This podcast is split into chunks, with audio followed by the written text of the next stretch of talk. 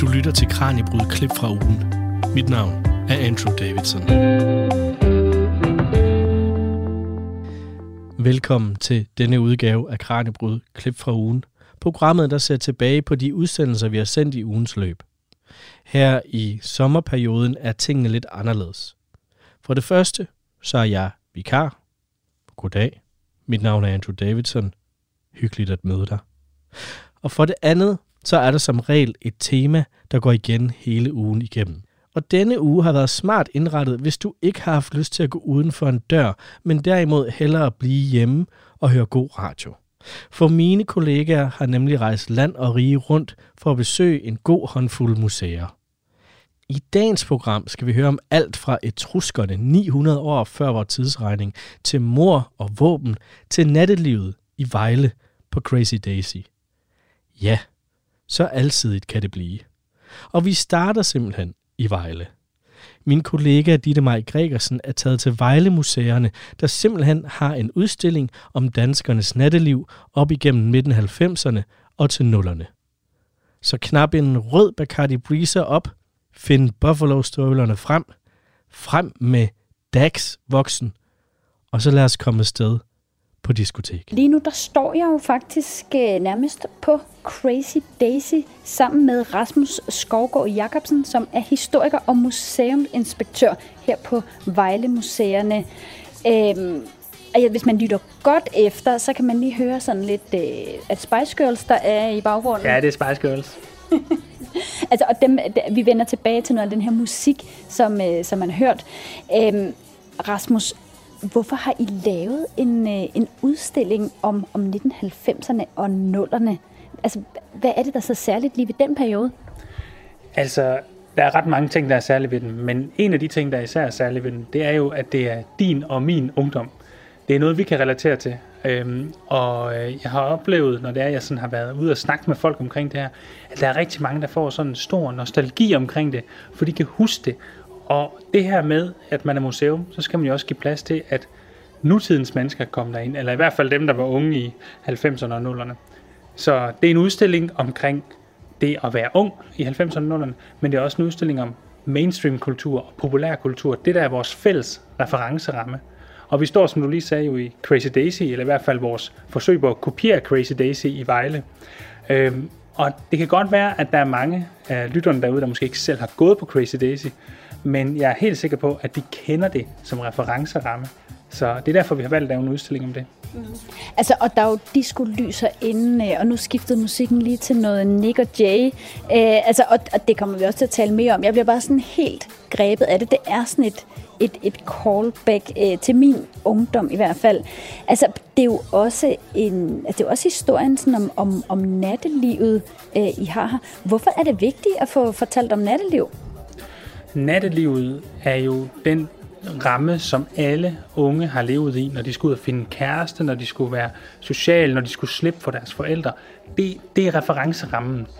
Øhm, og så er der et eller andet med natteliv, at det er som om, at det for historikerne og museerne både har været lidt for tæt på i tid, men måske heller ikke helt fint nok. Altså, vi har beskæftiget os her på museet og også på andre museer med, med tiden i 20'erne og 30'erne og faktisk øh, helt op til øh, The Bridge Invasion med The Beatles og sådan noget i 60'erne og sådan noget.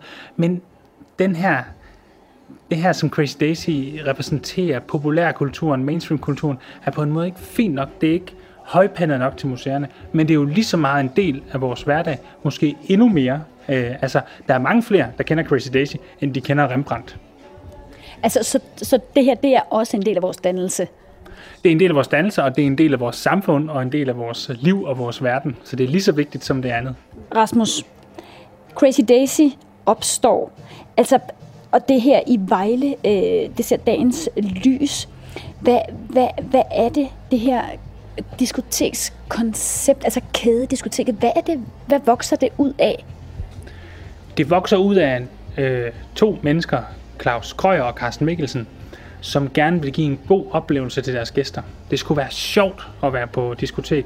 Det var dyrt at gå på diskotek, og det var dyrt at købe drinks men det skulle være sjovt. Man skulle virkelig føle, at man brugte sine penge på noget. Så det er deres mål, at det simpelthen skal være sjovt. Og når man snakker med dem, øh, jeg har især snakket med Claus Krøyer, så handler det også helt om, at det skulle gå hurtigt, der skulle være, det skulle være spændende, der skulle ske noget nyt, og man skulle have det sjovt, og man, man brugte penge på hele tiden at skabe en vanvittig god fest til folk. Så målet var at skabe en fest. Altså, og er det det, der sådan er det banebrydende ved det, eller hvad?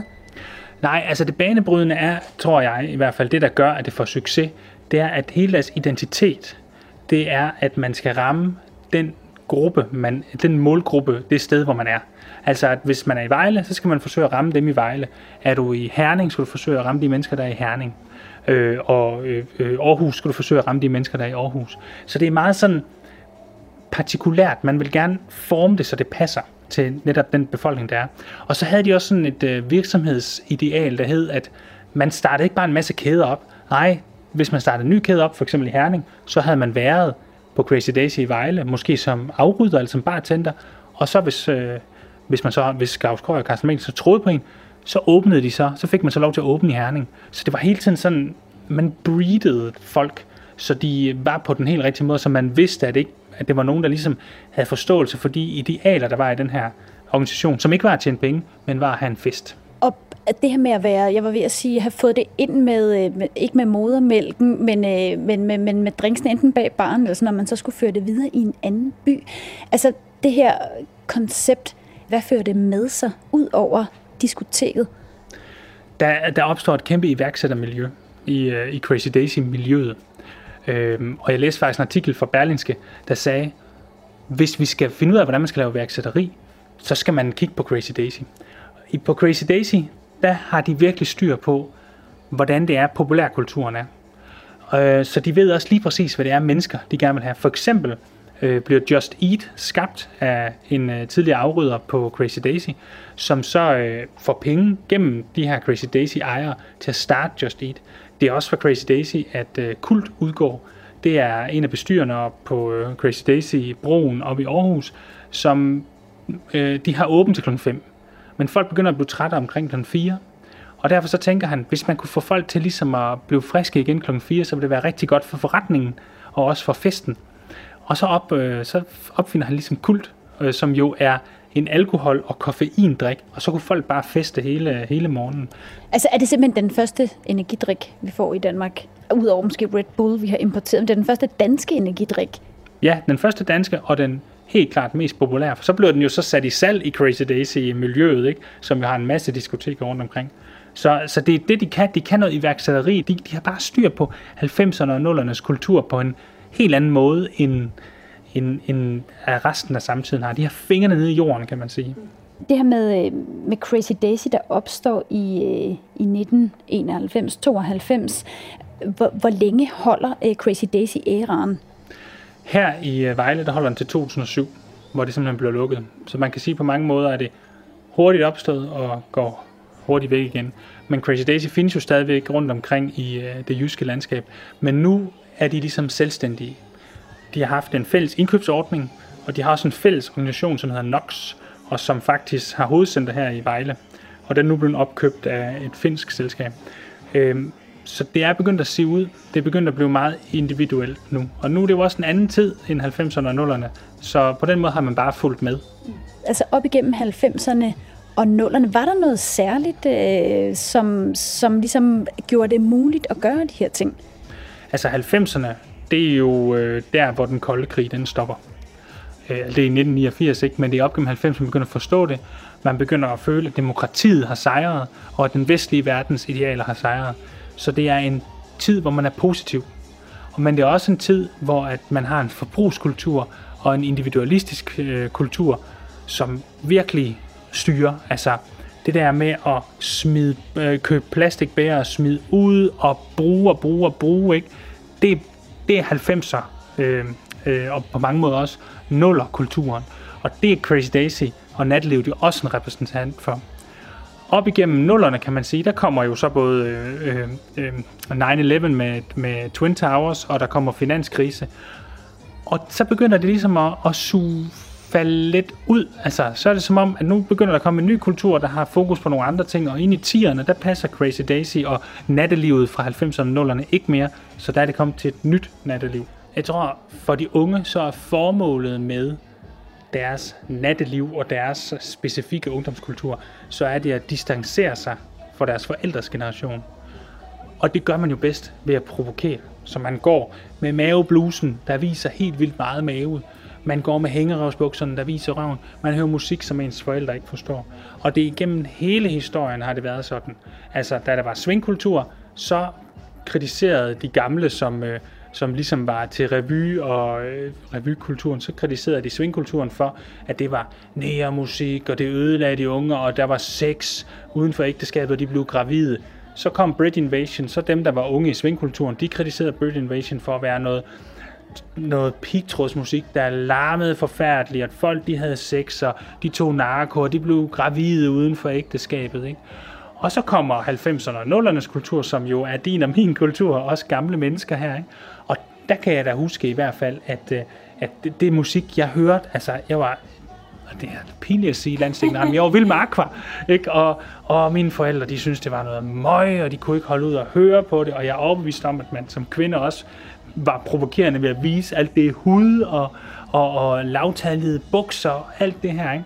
Og nu er der jo kommet en ny ungdomskultur, eller en ny musikkultur i hvert fald, repræsenteret ved for eksempel Tessa, som jo er en rapper, der synger om sex og, og hvordan hun øh, har lyst til at være sammen med mænd og ligesom tager tager magten tilbage for kvinderne og sådan noget. Og det må jeg da indrømme, at jeg selv blev måske provokeret af, at der er så meget sex i det, ikke?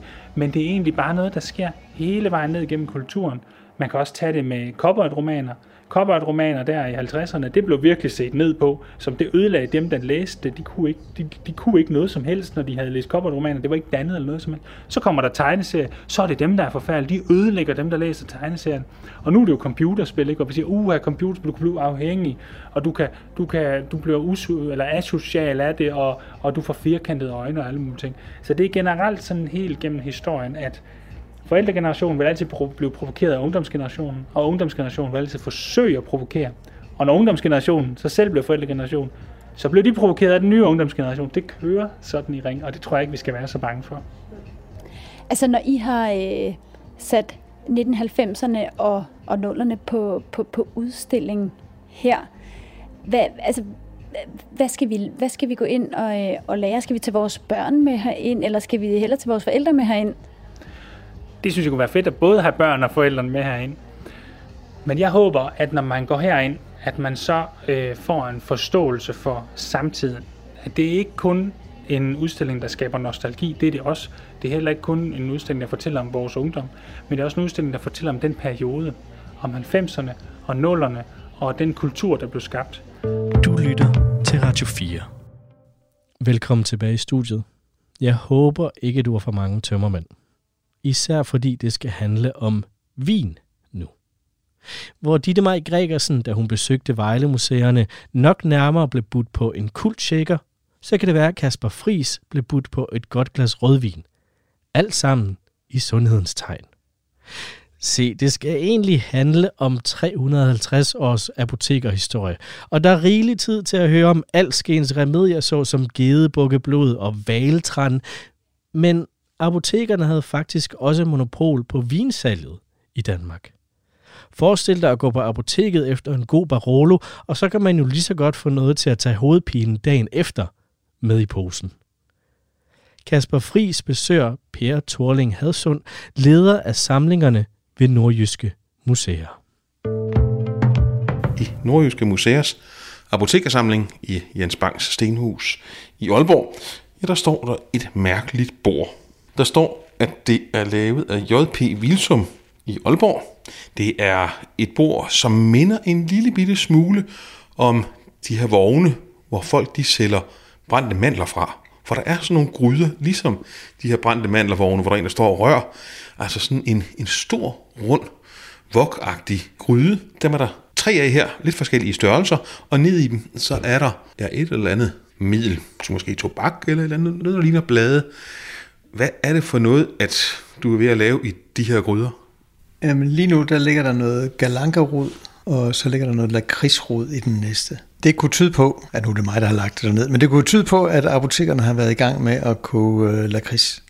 Fordi det vi ser, øh, det mærkelige bord, du taler om, det er et dampkomfur, som ganske rigtigt er lokalt fremstillet øh, i 1870'erne. Jeg vil gerne fortælle dig om, hvordan apotekerne lavede lakrids, men jeg vil godt sige noget om, hvordan det var at arbejde i et laboratorium på et apotek. Især før man fik noget så avanceret som et dampkomfur. Fordi apotekeren han skulle altså lave alle de her plastre og salver, og han skulle destillere øh, olie ud af anis og lavendel og andre urter. Øh, og han skulle også kunne destillere alkohol, hvis det skulle til, og lave en hel masse andre temmelig avancerede laboratorieopgaver. Men indtil midten af 1800-tallet, der foregik alting, ligesom madlavning også gjorde, over åben ild. Øh, og det betød jo, at han skulle kunne gøre det her med kontrollerede temperaturer, og han skulle kunne holde alting rent, selvom der reelt var, var svært at styre temperaturen over ilden, og der, skulle, der var kulstøv, og der var røg, og der var sod overalt. Så derfor var det et kæmpe fremskridt, da man øh, i midten af 1800-tallet var blevet så god til at, at bruge øh, den teknologi, man havde fået med dampmaskinen. At man også kunne bruge den for eksempel til at lave dampkomfur med. Og hvordan har de så lavet, altså eksempelvis lakrids? Nu ved jeg ikke, om lakrids var det et lægemiddel, eller hvad? Det var absolut et lægemiddel. Det er først for godt en 100 år siden, at det begynder at blive øh, konfektyr og slik. Øh, det har været brugt som lægemiddel i århundreder eller årtusinder, og det virker også.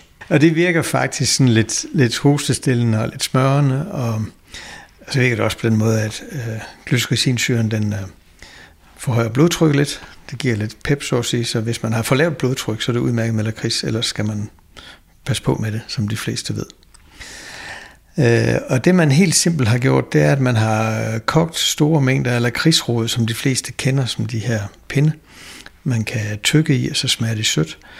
Dem har man skåret i stykker, og så har man kogt store mængder af dem i nogle timer, og så har man filtreret øh, roden fra, så har man sådan sort, helt tynd flydende væske, og den koger man simpelthen ind, indtil den bliver tykflydende og sirupsagtig.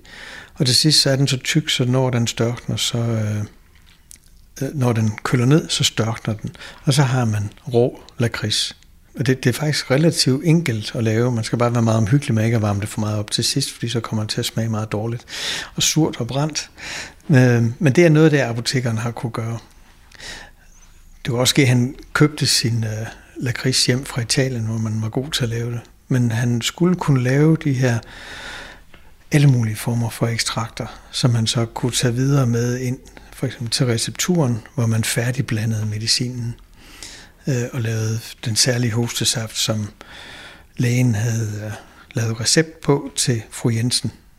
Men havde folk, altså almindelige mennesker, også råd til at handle på et apotek? Og nu, nu siger jeg, havde folk det? Vi taler jo altså om en 300 års periode, så der er nok lidt forskel alligevel mellem de 300 år. Jeg tror, de fleste havde råd til at købe noget på et apotek.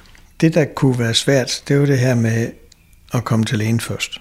Og der synes jeg, at apotekersamlingen er spændende, fordi vi ved jo rigtig meget om, selvfølgelig, hvordan lægerne er uddannet, og hvordan man mente, man skulle helbrede folk, og derfor også, hvad lægerne lavede. Men der var ikke ret mange læger. Omkring år 1800, der har vi en receptbog her i vores arkiv også, hvor vi kan se, hvem der har skyldt øh, for medicin. Og det siger jo noget om, hvem kundekredsen er.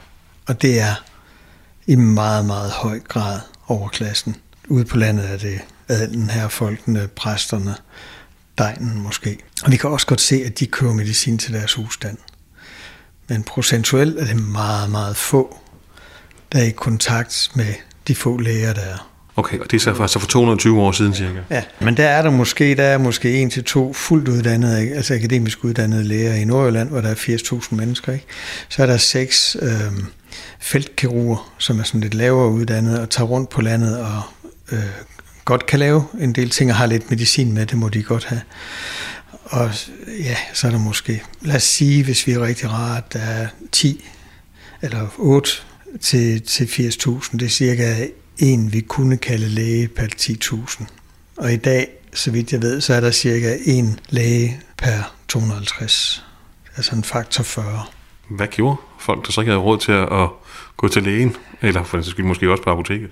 Øh, Jamen, de, de gjorde så det, at de øh, klarede sig med husrådet på alle mulige måder, og de gik i høj grad på apoteket. Så derfor kan man i en eller anden grad argumentere for, at apotekervæsenet var at, at den første udbredte del af det fælles sundhedsvæsen. Per Thorling havde sund er konservator, og så er han også leder af apotekersamlingen ved Nordjyske Museer, og så har han lige fået sig en lakrids, fordi at stemmebåndet var ved at være en lille smule anstrengt af, at vi havde talt sammen i et stykke tid. Men ja, nu går det igen. Du kunne også have fået dig en gang gedebukkeblod. Jeg ved ikke, om det hjælper på, på den slags. Ja, det tror jeg ikke, det gør. Så det, det hjælper mod ondt i ryggen, derimod. Kunne det godt være, at jeg skulle have en lille smule, for jeg har en lille smule ondt i ryggen af at holde mikrofonen.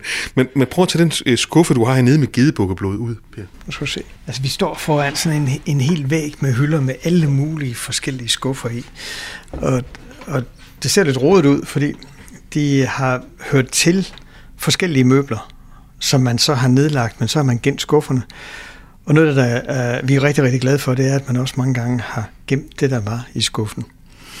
Øhm, så vi har i samlingen en usædvanlig samling af øh, råvarer, der går rigtig langt tilbage. Og en af de mest spændende er den her skuffe, hvor der på fronten står Sankvi Hirsi. Det er latinsk forkortet for bukkeblod. Og så kunne man tro, at, at det ikke var bukkeblod, men det er det efter al sandsynlighed. Du kan se sådan et, et grås sort fint pulver. Og der er en lille smule lidt, lidt, lidt hvidt i, men det er måske i virkeligheden, ja, fordi der har været en pose omkring, ja, der er gået en lille smule stykker. Faldet, faldet lidt pus ned fra loftet og sådan noget. Nu har vi fået lagt en glasplade over, så der ikke kommer mere i, men det har stået på et eller andet loft i et par århundreder. Bukkeblod, det skulle man have på apoteket, hvis vi går tilbage til den her tid, vi talte om i 1600-tallet. Men så holder man faktisk op med at bruge det blandt lægerne, og lige fra starten af 1700-tallet, der tror man ikke på, at det er noget, der er særlig virksomt. Det indgår ikke rigtig nogen officielle lægemidler. Den her skuffe, den er fra midten af 1700-tallet, så man har altså alligevel synes, man skulle have det stående. Og længe efter det er gået ud af enhver brug som, som officielt lægemiddel, så kan vi se, at man har fyldt den op igen, for der ligger en papirspose her med etiket på, som nok er fra slutningen af 1800-tallet, måske begyndelsen fra 1900-tallet. Så nu er der altså gået rigtig længe fra det har stået de officielle lægemiddelsfortegnelser, og alligevel har apotekerne det stående. Altså det er godt 200 år. Ja. Øh, og det er svært at finde opskrifter på, hvad man skulle bruge det til, fordi lægerne som sagt ikke har ordineret det. Jeg har været heldig at finde en opskrift i et kladehæfte, hvor en øh, landbokone nede på Majegnen har samlet øh, husråd ind igennem et langt liv. Hun, hun brugte nogle af dem selv også. Vi ved, at hun for eksempel, når hun havde gigt i armene, så gik hun ud og smurte dem ind i brændeller og brændte sig rigtig grundigt. Så hun har troet på noget af det her, og andet ved jeg også, at hun ikke har troet på. Men i hendes øh, opskriftssamling, der står der, at hvis man har rigtig, rigtig ondt i ryggen og har så ondt, at man næsten ikke kan ud og trække vejret, så kan man øh, tage noget mørkt øl, og så kan man tage noget gedebukkeblod og noget spermacetolie, altså noget valtran, og det skal man koge godt sammen. Du må forestille dig sådan, at det bliver sådan lidt mudret og smager lidt af rugbrød og jern og tran og sødøl. Og det skal man så drikke tre gange om dagen, indtil værken går over. Og det er utroligt utrolig spændende, at den skuffe står her, fordi det viser, at apotekeren på det her tidspunkt, eller, eller i den her rolle, lige præcis er købmand, som sælger præcis det, folk for, øh, efterspørger, og som han kan tjene penge på. Så han er altså den, der kan skaffe alt det, man vil have, uanset om man er kone på landet, der mangler bukkeblod, eller håndværker, der mangler et sjældent farvestof, så kan apotekeren skaffe det. Øh, og lige præcis her, så er det så et eksempel på, at så få har haft mulighed for at gå til læge, de måtte klare sig på andre måder. Men det betyder ikke, at man kun har klaret sig med de urter, man kunne samle ud på landet. Vi kan se også i kloge mænd og koners opskrifter, at der indgår rigtig, rigtig mange apotekervarer, og der indgår midler, som lægerne måske har forladt og opgivet for længst, men så lever de videre øh, i befolkningen. Både i, blandt folk, hvor det mange gange er bedstemor, der har rådene, men altså også blandt de kloge mænd og koner ude på landet.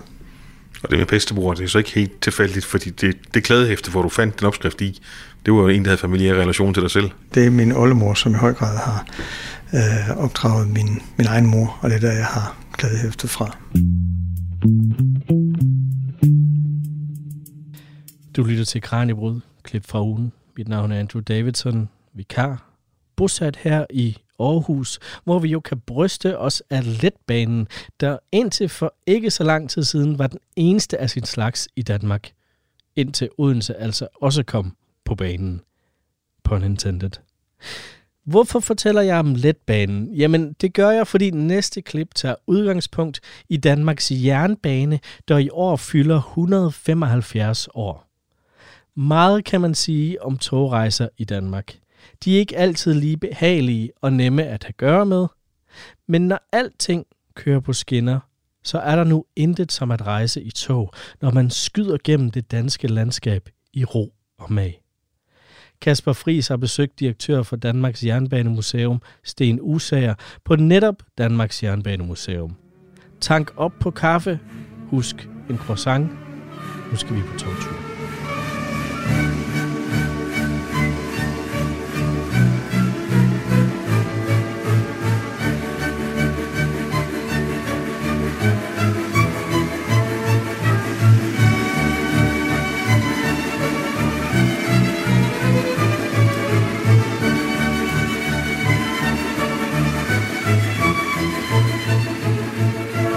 Det var H.C. Lumby. Og hvorfor er den relevant at høre, når vi i dag skal tale jernbanehistorie, Sten Årsager?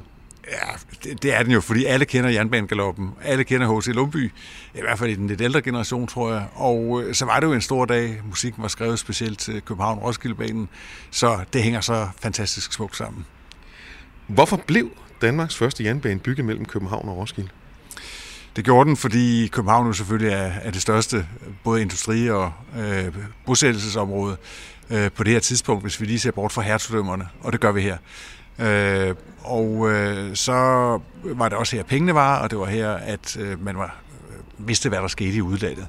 Og så var det jo, altså, der var et stort behov for at få transporteret øh, landbrugsvarer ind til byen, øh, så de kunne distribueres på, på markederne øh, i København. Så var det, jeg nævnte før, det med, med pengefolkene, ikke? Og de første jernbaner på hertstømmerne af Danmark, de er typisk finansieret ved, ved, aktie, altså ved, at man har købt aktier. Og øh, det var også både nationalt, men det var også internationalt, at der blev købt aktier. Så øh, det er ikke tilfældigt, at det er København. Det er der centrum er. Det er der hovedstaden er. Det skulle være der. Men, men det økonomiske incitament for at drive en jernbane, var det landbrugsvarerne? Jeg tror, at øh, hvis man går ned i det, så øh, hænger det, er det lidt mere kompliceret. Øh, ja, landbrugsvarerne spillede en rolle, men det spillede også en rolle øh, at komme ud af byen. Og så var banen jo faktisk ikke planlagt kun til Roskilde, men den var planlagt til Korsør, og dermed også til færgeforbindelsen til, til Kiel, eller med øh, ja, færgerne, som er skibene over til, til Nyborg, og dermed også til, til landsdelstrafikken, i det omfang, man kan tale om det på det her tidspunkt. Så det er derfor, den er der. Og øh, ja, økonomi og landbrugsvarer jeg tror faktisk, at øh, det var lige så meget noget med, her er noget nyt. Vi kan se, hvordan det i udlandet har spillet en kolossal stor betydning, og hvordan man også har kunne tjene penge på det. Øh, at byer er blomstret op, at industrier er blomstret op, specielt i England, fordi jernbanen kom. Så der var rigtig mange grunde til at sige, det skal vi også have. Og København-Roskilde, altså i dag lyder det jo bare som en lille bitte smuttur. Det var det ikke dengang, for ellers var det altså på ben eller per hest, man skulle i den retning. Ja, præcis. Og øh, det, det jo betød ikke, det var som sagt, at man kunne få de der landbrugsvarer. Ikke så meget, tror jeg, som man havde forventet, men det kunne man så få ret hurtigt ind. Men man kunne også komme ud. I første omgang, hvad var den lige, man skulle i Glostrup, hvis man boede i København? Øh, så derfor var det måske mere til restauranten, der var indrettet i, i Banegårdsbygningen i Roskilde, at, at man tog på udflugt, når man skulle på udflugt. Men man kunne også komme til Valby og andre steder og få søndagsudflugt, eller nu var der ikke så meget søndagsfri på det her tidspunkt, men hvis man skulle på udflugt. Vi har det første lokomotiv her foran os, det jeg klappede på indledningsvis. Øh, det ligner jo, altså i længdemæssigt minder det meget godt om det, vi kender, men i forhold til de tog, vi ellers satte af, så er det en del lavere. Hvorfor var det det her tog, der kom til at køre som det første i Danmark? Øh, det var det, fordi det var det, der kunne leveres øh, fra øh, tidens fremmeste øh, lokomotivbyggere, og det var øh, Stevenson i, øh, eller det var Atlas Work og Sharp Brothers øh, her, øh, andre gange var det Stevenson i England. Det var herfra, vi fik det. Der var en kæmpe efterspørgsel efter lokomotiver, og derfor fik øh, selskabet, det sjællandske jernbaneselskab, faktisk ikke de lokomotiver, de egentlig oprindeligt havde ønsket, men de fik, de, fik dem, nogle af dem, der var, om jeg så må sige, til års, eller ikke, øh, ikke var solgt, og det var så Sharp Brothers, øh, som kunne levere. Øh, så det, det, er ikke, det er faktisk ikke øh, top of the pop øh, i 1847, det her, men det, er, det havde det været i ja, 1844, 45 måske. Så jeg var, det var lidt en stramning, da jeg sagde, det var det allerhotteste teknologi, for ja, det var det faktisk det kan man godt sige. Jo, det er det jo alligevel ikke, fordi jernbanen er, jo det hotteste på det her tidspunkt, ikke? I, i en større sammenhæng. Ved vi noget om, hvordan den almindelige dansker så på de her ting, som jo altså så helt anderledes ud end alt de kendte? Ja, det gør vi faktisk, fordi øh, befolkningen langs banen, eller der er mange synspunkter på det her, ikke? Øh, der har været lag i København, som har synes, det var helt fantastisk og svaret til, hvad man måske havde været set i udlandet. Måske havde man været på rejse. Men lokalbefolkningen mellem København og Roskilde, øh, de var, som vi også ser det mange gange senere, egentlig lidt bekymret over det her nymodens øh, fænomen. Og faktisk var der mange retssager øh, lige efter åbningen af banen, øh, hvor folk ikke kunne finde ud af, at de ikke måtte gå på, på sporet, for det kunne være farligt. Øh, der var også folk, som ikke synes, de, altså, som synes, de skulle have større erstatning, for de grunde, de måtte afgive, det var jo ekspropriation. Det er egentlig første gang, man sådan for alvor ser ekspropriationsgrebet øh, taget i brug i Danmark. Og øh, der var også nogen, der var nervøse for, for det her. Øh, hvad var det? Kunne, det? kunne det gøre deres heste bange? Og det kunne det faktisk. Øh, fordi de der pifter og tuden og raslen og så videre, det kunne faktisk godt forskrække øh, heste. Og de kunne så, de kunne så drøne afsted, når, hvis, de blev, hvis de blev bange. Og det skete faktisk også. Og øh, så var der gnister fra skorstenen, det kunne også sætte ild til marker, øh, og det gjorde det også. Øh, og ja, så skulle der også erstatning for det, og det skulle slukkes. Men ja, så var der jo nye måder faktisk at, at komme hjem fra byen på også, hvis man kun skulle til, til Valby for eksempel. Ikke? Og folk, og folk de vendede sig til de, de der små til det, ikke? Men der gik godt nok lidt tid, ikke? Og altså langt op i ja, 1800-tallet, for eksempel i, på Nordfyn i 1880'erne, ikke? der gentager det sig igen. Øh, øh, folk er lidt nervøse for, hvad det her er, og bange for deres heste, og der er folk, der, der prøver alverdens ting øh, for at vende deres heste til det, uden, uden det store held. For eksempel at lade hestene sætte i fuld, fuld fart hen mod, mod et tog, og så bremse det op, øh, eller bremse hestene, eller stoppe hestene lige før toget. Det lykkedes så ikke altid. Sagde altså Sten Usager, direktør for Danmarks Jernbanemuseum, til Kasper Fris. Du lytter til Radio 4. Og Kasper har været vidt omkring, for sørme om han ikke også har besøgt Politimuseet i København. Og nu bliver det straks mere drabligt end tog, der ikke går til tiden, og visne blade på skinnerne. I klippet, vi har udvalgt til jer, så skal I med ind i det kriminaltekniske rum på museet, hvor Kasper bliver vist rundt af leder af Politimuseet, Frederik Strand. I midten af rummet skal du forestille dig en kæmpe jagtkniv, der er knyttet til en drabsag fra 1987. Der er mystik og drama for alle pengene, så spids ørerne og vær med til at løse sagen, kendt som Tolne-drabet. Vi har skiftet rum på Politimuseet i København. Vi er gået ind i det, der hedder det kriminaltekniske rum, som er et nyt udstillingslokale på Politimuseet, hvor der er forskellige ting, der viser, hvad det er for nogle muligheder, politiet har for at opklare forbrydelser. En af de ting, der er udstillet herinde, det er en kæmpe stor kniv. Og leder af Politimuseet, Frederik Strand, hvorfor har du sådan en kæmpe stor kniv hængende? Ja, altså, øh, den kniv, som vi ser her, der karakteriseres som en bogekniv, øh, den kamp- og jagtkniv, den har vi hængende, fordi den er knyttet til en meget speciel sag, som finder sted i 1987. Der er en, øh, en mand, der øh, bliver slået ihjel, øh, og vi befinder os i Jylland, i, øh, i den lille by øh, Tolne. Og derfor så bliver denne her sag kendt som øh, Tolne-drabet. Og det, der sker, det er, at øh, manden bliver slået ihjel, men i første omgang så forsvinder han. Man ved ikke, hvor han er henne. Men øh, året efter, i 1988, der får politiet information om, at denne her mand, øh, han givetvis er blevet slået ihjel. Øh, og man starter derfor en, øh, en efterforskning op i forhold til, hvad der er sket. Og man kommer derefter på sporet af, at øh, i området har der befundet sig nogle øh, personer, som er blevet kendt som Tolnebanden. Og øh, Tollebanden, de har holdt til i en landejendom, som er blevet brændt af. Og øh, man formoder ud fra det, den information, som man får, at det er personer fra Tolnebanden, som har været involveret i drabet. Og det skal siges, at den person, som man taler om, formoder blevet slået ihjel, han øh, har også været en del af den her bande her.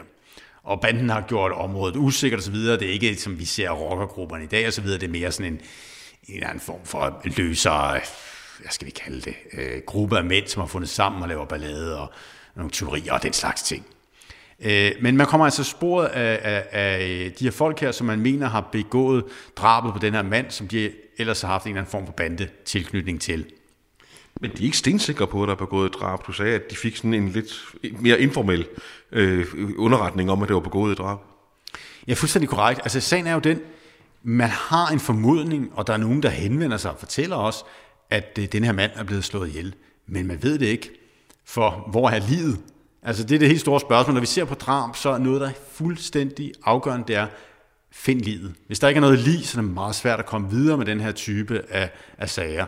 Og der er jo ikke noget lig i det her tilfælde her, og det giver jo en lang række problemer i øh, forhold til efterforskningen. Øh, hvordan kommer de så på sporet af liget? Den måde, de kommer på sporet af, af livet af, det er nummer et. Øh, de finder ud af, at øh, offeret og de to gerningsmænd, de har befundet sig på landeejendommen på samme tidspunkt. Der er en taxachauffør, som henvender sig med nogle informationer omkring det. Og øh, ud fra det, så øh, formoder de, at øh, det er det tidspunkt, hvor taxichaufføren nævner, at de har været på landeejendommen, at drabet har fundet sted. Men de får også fat på et andet vidne. Der er et vidne, der har opholdt sig på landeejendommen, efter at offeret er blevet slået ihjel. Og øh, det her vidne får de fat på, og han fortæller så, hvad der er sket, forstået på den måde. Han fortæller, hvordan gerningsmændene har skaffet sig af med livet. Og det, og det ser han. Øh, han ser, hvordan øh, de øh, tager det her lige her, og øh, de brænder det i den her ovn her, og han beretter også om, hvordan han ser, at de kommer gående med hovedet. Øhm, og øh, det er selvfølgelig øh, grænseoverskridende for, for den her mand her. Men ud fra den forklaring, der finder man jo ud af, jamen han er faktisk blevet myrdet, øh, og de har forsøgt at skaffe sig af med livet. Det er der et vidne, der faktisk forklarer. Men hvad med det foregående drab? Altså hvad, hvad er der egentlig sket der? Fordi han har jo ikke set drabet, han har kun set, hvordan de skaffer sig af med, øh, med livet. Så der vil man jo også gerne have en eller anden form for forklaring på, hvad der er sket der. Og der, øh, nu har man en masse kriminaltekniske spor i forbindelse med den her sag her. Man har genstand for offeret, man har et vidne, der har øh, forklaret, hvad der øh, er sket. Øhm, og man mangler nu altså en forklaring fra, øh, fra gerningsmændene. Udover det, så skal lige nævnes, der er særligt et kriminalteknisk element i den her sag her, som politiet kommer på sporet af. Øh, og det gør de på baggrund af den forklaring, som er fra, øh, fra det her meget vigtige vidne her. Og det er, at man finder ud af, at øh, gerningsmændene, de har, øh, først har de gravet offeret op, så har de brændt offeret, og efterfølgende så er der jo kommet aske ud. Det aske ønsker de også at skille sig af med. Og man overvejer derfor, hvor har de efterladt det her aske henne. Der finder man ud af, at det her aske her, knoglerester, det øh, har de efterfølgende støbt ned i noget beton, som de har lavet en karbrud af. Så der er aske og knoglerester altså støbt ind i betonen. Altså, og, og det kan de lokalisere ved, altså, og finde ud af ved, ved, ved deres kriminaltekniske metoder, at der inde i betonen er ligerester. Det, det, det kan man, og du kan se dem her. De befinder sig her. Her er øh, de her øh, cementrester, som er skåret over, og inde i dem, det er markeret, hvor du kan finde knoglerester. Der, du kan se her, der er nummer på det. Øh, så der, de numre, du ser der, det er markering af, af knoglerester. Så i betonen, der ser man knogleresterne. Og det er virkelig faktisk et gennembrud, det her, øh, som bliver lavet på retsmedicin. Vi har alle mulige forskellige fotomaterialer og anden, anden type materiale for den her sag. Det, det er simpelthen det, det, det er et stort gennembrud. Det er den første sag i øh, Danmarks historien, hvor man laver den her metode her, og finder knoglerester frem. Så på den måde det er det et, et, et, et øh, kriminalteknisk gennembrud.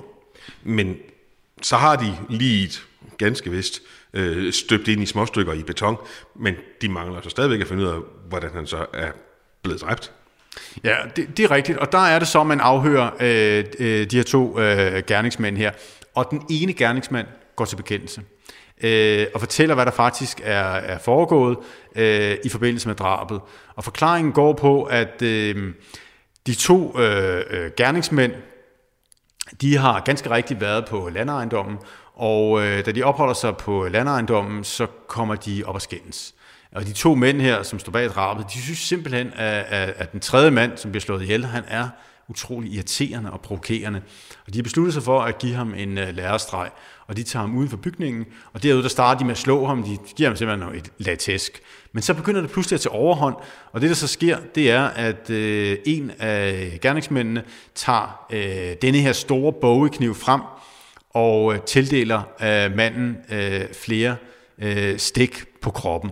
Og hvis man ser kniven her, så vil man vide, at der skal ikke mange stik til med den her kniv her, før man bliver slået ihjel. Øhm, og, og man formoder også, at de her øh, knivstik, de er umiddelbart dræbende. Det, der så yderligere sker, det er, at den anden gerningsmand går øh, hen bag offeret, trækker ligesom hans hoved lidt øh, bagover og snitter halsen over på ham. Og derefter så skubber de ham ned øh, i et hul, som de har gravet og, og dækker ham til. Og så herefter, der er det så sådan, at de øh, øh, senere graver ham op, brænder ham, støber ham ind i, øh, i beton. Så, så det er ligesom forklaringen på det, der sker, og begge mænd bliver efterfølgende øh, dømt for drab på, øh, på, på, øh, på den mand, som altså så efterfølgende bliver fundet, og øh, vi her kan se resterne af ham i, øh, i betongen. Den her sag har jo så også nogle specielle elementer, eksempelvis det her med, at man bruger nogle kriminaltekniske metoder, man ikke har prøvet før. Men det er så for kategorien skarpvold. Du nævnte det også lidt tidligere, at, at det er jo ikke ualmindeligt, at drabsvåben de kan skære, og det er knive eller noget tilsvarende. Nej, det, det er bestemt ikke ualmindeligt. Altså selve øh, brugen af en kniv til at begå et drab, det er ikke ualmindeligt. Det ualmindelige er den her efterforskning, der, der ligger i det, Øh, og så kan man sige, måske selve genstanden, det er også, der er ikke så mange sager, hvor vi ser, at det faktisk er en bogekniv, der er blevet brugt i forbindelse med drabet. Øh, I øvrigt så er der også en helt særlig historie omkring, den her bogekniv, den er utrolig svær at finde, man ved jo ikke, hvor den er henne. Og det er nærmest et rent tilfælde, at politiet, det, det lykkes politiet at få fat på den. Den bliver nemlig senere solgt videre, faktisk så flere, videre til flere forskellige parter, og så eh, til slut bliver den jo fundet øh, på et værtshus, øh, hvor den har ligget i længere tid, og så bliver den udleveret til politiet. Så det er sådan helt utroligt, at den overhovedet dukker op øh, øh, hos politiet kan bruges i efterforskningen. Men udover det, så er knive jo et mere almindeligt gerningsvåben øh, at bruge i forbindelse med drab. Der er jo en tillægshistorie ved den her sag her. Og det er, at øh, øh på et tidspunkt for nogle år siden, der øh, dukkede en af gerningsmændene jo op, der er blevet løsladt efter endt afsoning, og kom ind, og han ville se museet, og øh, herinde der så han jo så øh, det her gerningsvåben øh, udstillet. Så, så det, det er lidt specielt, og det er jo lidt specielt, når, når gerningsmænd dukker op og pludselig ser, at øh, det, de har brugt til drab, det faktisk findes ind. Kommenterede han på det på en måde, så, så I, I hørte om det? Ja, det gjorde han. Han ønskede at blive fotograferet ved siden af den genstand, han har brugt. Så, så det, det, og det er en lidt mere speciel måde at håndtere det på, kan man sige, sådan umiddelbart. Øh, men, men ja, det, det, så han kommenterede øh, på det på den måde. Men det er ikke hver eneste dag, I står med, med, med drabsmænd og fotograferer dem sammen med deres våben? Nej, det er det ikke, men det, men det hænder, at drabsmænd kommer ind og, og ser, hvad der er. Og det er jo et åbent offentligt museum. Vi har også haft Palle Sørensen herinde, øh, der har set øh, på øh, det våben, han har brugt øh, i forbindelse med de drab, øh, han lavede osv. Så det hænder, at, at, at der kommer øh, gerningsmænd ind og, og, øh, og ja, ser genstandene og også kommenterer på det. Det, det, det hænder. Og Palle Sørensens pistol, den går vi ind og kigger på nu ind i drabsrummet. Du lytter til Kranjebrud, klip fra ugen, hvor vi er på museumsturné rundt omkring i landet. I det forrige klip var vi som sagt på Politimuseet i København, og nu rejser vi til Aarhus, hvor Emma Holtet har besøgt Aarhus Universitets Antikmuseum. Og selvom vi forlader de drabelige sager på Politimuseet i København, så lægger vi ikke helt døden fra os. Emma er nemlig stillet op på Antikmuseet for at blive klogere på etruskerne og det etruskiske dødsrige. Det er ikke noget, man sådan lige bliver ekspert i. Så heldigvis har hun Vinnie Nørskov, museumsleder, med sig på rejsen. Skriftlige kilder kan jo være rigtig meget. Øh, det kan være papyrus, som mm. er det, man har skrevet på, og som er virkelig øh, svært at, at opbevare. Derfor er mange af de bøger, vi ved, der var skrevet på etrusik, de er gået tabt i dag. De, mm. Vi har enkelte bevaret øh, papyrusruller, ofte fordi de er blevet brugt i mumieindbindinger, og så har man så fundet dem, når man har bundet mumier op senere hen. Øh, men vi har jo også masser af tekst på genstande, og det her det er så et eksempel på at netop en indristning på et teglsten. Vi har øh, inde i det andet rum har vi en sarkofag, hvor der også er en indristning på med et navn. Mm. Øhm, vi har masser af gravsteler. Så, så vi har masser af genstande med, med bogstaver med tekst på, men en meget stor del af det er navne. Mm. Øh, og navne har spillet en stor rolle for etruskerne. Øh, det kan vi jo se, fordi de hele tiden refererer til både øh, en afdøds øh, navn, men også afdødes forfædre ofte længere tilbage. Mm. Så det her med slægten og slægtens øh, øh, overlevering, øh, erindring om slægten og forfædre, har spillet en utrolig stor rolle i den etruskiske kultur. Så derfor har vi rigtig mange navne bevaret. Mm. Vi har også nogle enkelte tekster. Øh, den længste er en, øh, en bog, som som er sådan en, en liste over religiøse ritualer, som jo er meget værdifuldt til at forstå den del af samfundet. Øh, vi har nogle enkelte tekster, som taler om øh, nogle lovmæssige ting, altså sådan noget med ejendomsret, øh, og, øh, og de, de, nogle af dem er både på etruskisk og så på andre sprog, og det har været meget vigtigt til at kunne afkode mm. sproget. Og hvilke andre kilder er det så som historiker, man kan gå til i den her periode, sådan typisk set? Altså, så er der jo, af skriftlige kilder er der jo så øh, andre forfattere fra andre kulturer, der fortæller om etruskerne. Altså, ja. vi har græske forfattere, som jeg fortalte, Herodot, øh, som er historiker og, og, og, øh, fra 5. århundrede, så han er jo samtidig med den etruskiske kultur. Og så har vi en mængde romerske forfattere, som er senere, som fortæller om etruskerne. Øh, men de er selvfølgelig præget af, at, de er, at det er en anden kultur, der kigger på den etruskiske kultur. Så mange af de fortællinger, vi har om etruskerne, for eksempel så fortæller grækerne, at etruskerne var kendt for, at øh, at øh, kvinderne lå til bords og øh, var sammen med mændene, og de gik også i seng med alle de mænd, der var. Altså, vi får sådan nogle fortællinger, som tydeligvis er med til at markere, at det er en anderledes kultur end den græske. Det handler mere om at, at sætte et spejl op, end det handler om at fortælle om den. Det, det samme kan man se, når man læser øh, historiske kilder om øh, fra kolonitiden, hvordan, hvordan det bliver sådan meget fordrejet mm. billede af, af, af den kultur, man beskriver. det, det er det samme, vi har, har her. Og så har vi selvfølgelig al arkeologien, mm. altså alle oldsagerne og udgravninger og sådan noget, der fortæller. Og, og for etruskerne er det sådan, at øhm, som sagt er det her med forfædrene og familien og altså ens historie og placering i samfundet en meget, meget væsentlig del.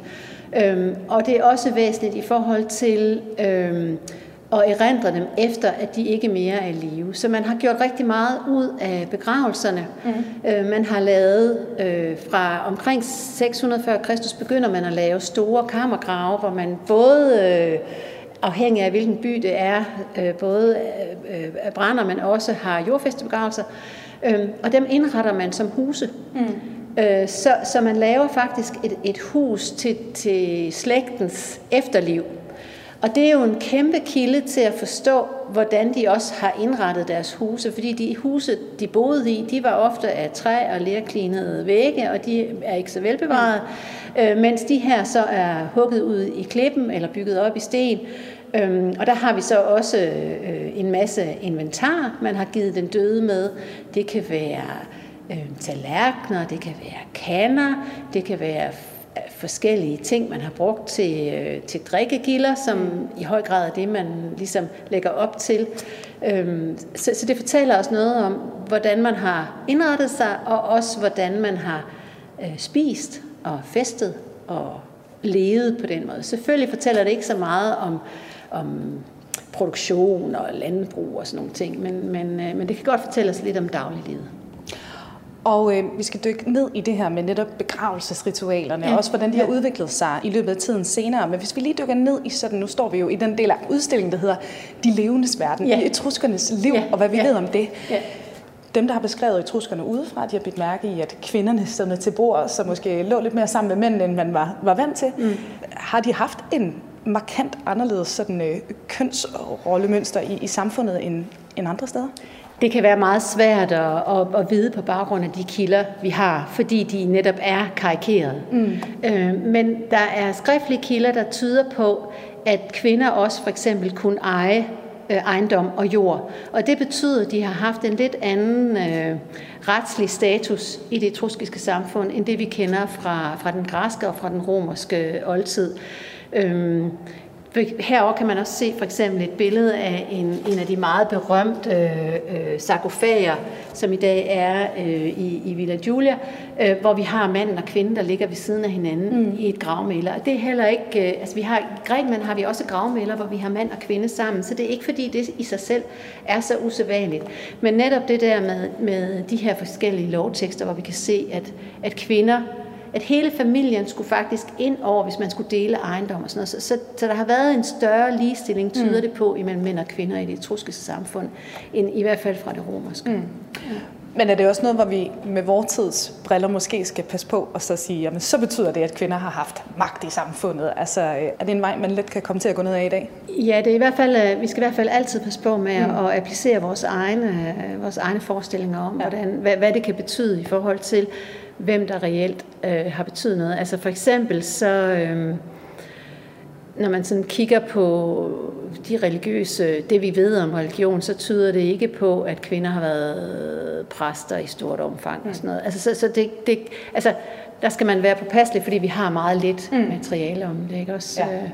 Men der har altså været et ægtepar på en eller anden måde i samfundet, når vi sådan ser på den opbygning, der har været i centrum. Er det rigtigt forstået? Ja, ja altså familien har været, har været en del af det. Det kan vi se også i mm. kunsten. Altså for eksempel det her med, at, at vi ofte har mand og kvinde afbildet sammen i, i kunsten. Ikke?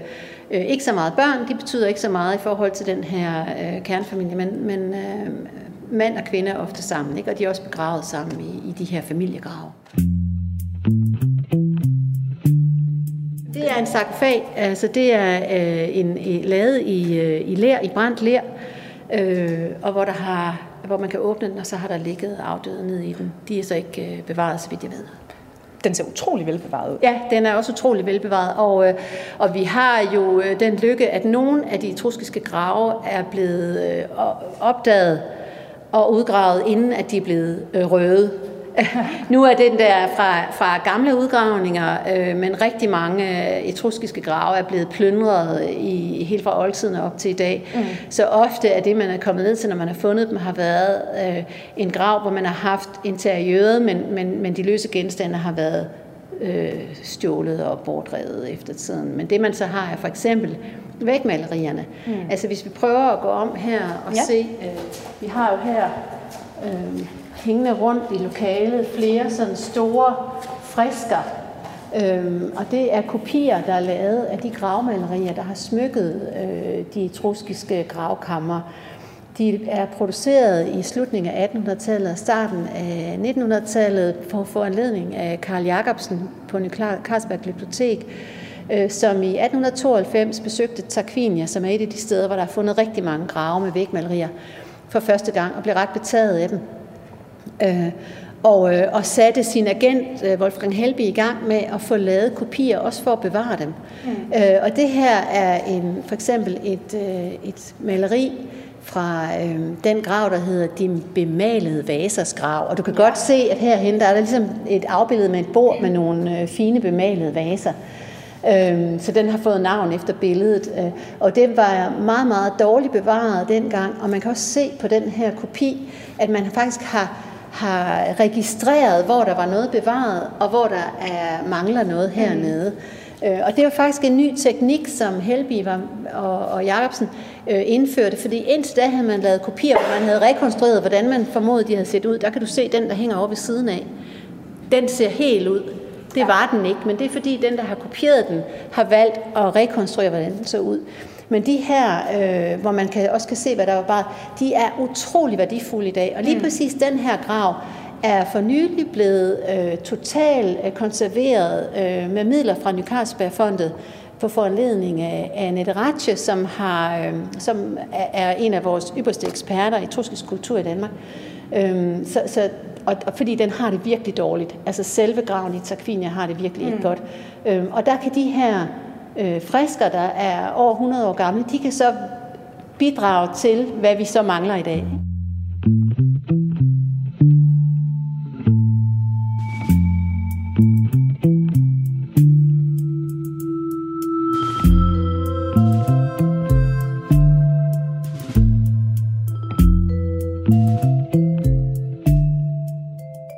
Det var alt for denne uges Kranjebryd klip fra ugen.